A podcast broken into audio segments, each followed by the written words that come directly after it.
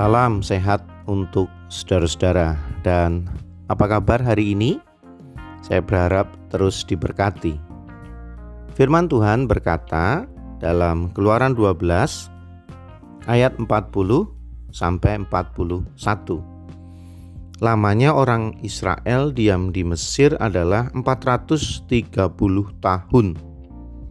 Sesudah lewat 430 tahun tepat pada hari itu juga keluarlah segala pasukan Tuhan dari tanah Mesir. Keluaran 12 ayat 40 sampai 41. Lama sekali ya bangsa Israel berada dalam perbudakan di Mesir. 400 tambah 30 tahun. Waduh, lama sekali itu. Pegel bener ya kalau diperlakukan seperti itu sampai ratusan tahun. Itu bisa lebih dari 3 sampai 4 keturunan ya. Apalagi kalau zaman sekarang. Rata-rata usia antara 70 tahun ya. Itu sudah bisa sampai 5 keturunan.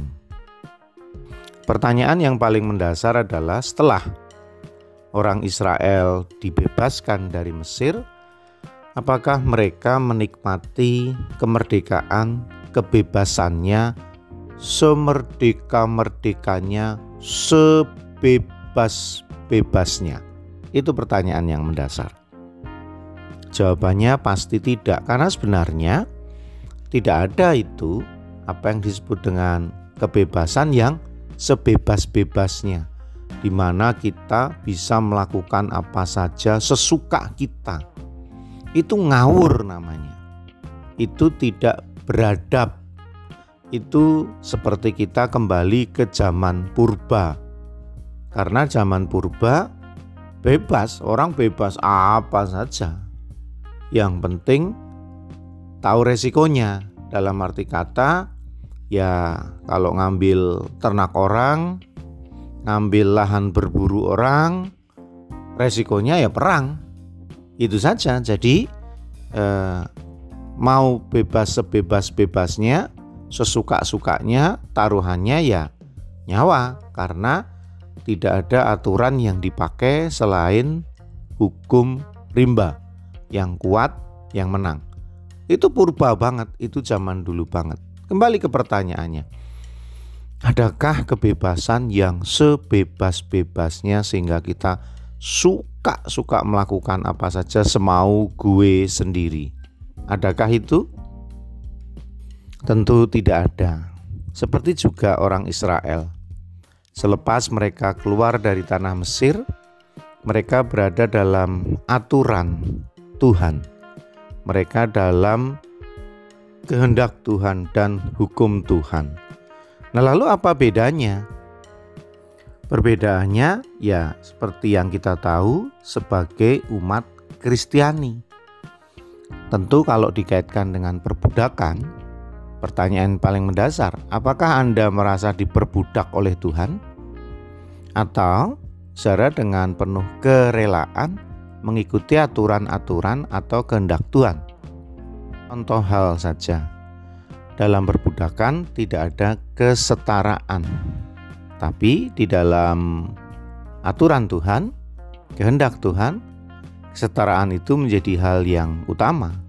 Semua manusia setara, hanya kepada Tuhan saja kita tidak setara. Untuk itulah sangat berbeda sebetulnya ketika orang Israel di Mesir dengan orang Israel yang sudah dibebaskan dari perbudakan di Mesir sama-sama ada aturan. Di Mesir aturannya ketat. Sama juga di dalam percaya kepada Tuhan. Aturannya juga ketat. Ada hukuman? Ya, ada hukuman juga. Sama. Ya, berbedanya adalah beberapa hal yang pasti tempatkan kita di posisi yang sama sebagai makhluk ciptaan, memuliakan kita bersama-sama dengan ciptaan yang lain. Itu menurut saya yang paling hakiki. Kemerdekaan itulah yang paling utama yang bisa kita nikmati di dalam Tuhan. Bahwa di mata Tuhan semua orang memiliki penghargaan yang sama. Dan kita diminta untuk menghargai itu agar tidak ada kelas-kelas dalam kehidupan ini. Sekali lagi, itu tidak ada dalam perbudakan. Kalau Anda budak, Anda sama sekali tidak punya harga di mata Tuhan atau yang memperbudak. Jelas beda sekali. Kalau jadi budak, berarti ada dua aturan yang harus diikuti. Aturannya si Tuhan dan aturannya Tuhan. Tapi ketika kita dibebaskan dari perbudakan, kita hanya tunduk kepada aturan Tuhan, dan itu jauh lebih melegakan. Jadi, mari kita bersyukur karena kita hanya tunduk pada aturan Tuhan dan bukan pada aturan manusia. Walau hal itu tetap ada ancaman, ada banyak orang-orang yang ingin memperbudak sesamanya. Hati-hati, sekali lagi hati-hati. Dan yang lebih buruk lagi adalah kita memperbudak diri sendiri dengan berbagai hawa nafsu. Ini lebih berbahaya. Kemarin kita semua bersyukur karena Indonesia sudah 76 tahun menikmati kemerdekaannya. Seperti dalam khotbah saya katakan, kemerdekaan itu belum sempurna, masih banyak PR, masih banyak hal yang harus dibebaskan. Bahkan dalam hal modern slavery atau perbudakan yang modern ini, masih banyak orang yang mengalami perbudakan-perbudakan dengan cara yang terselubung.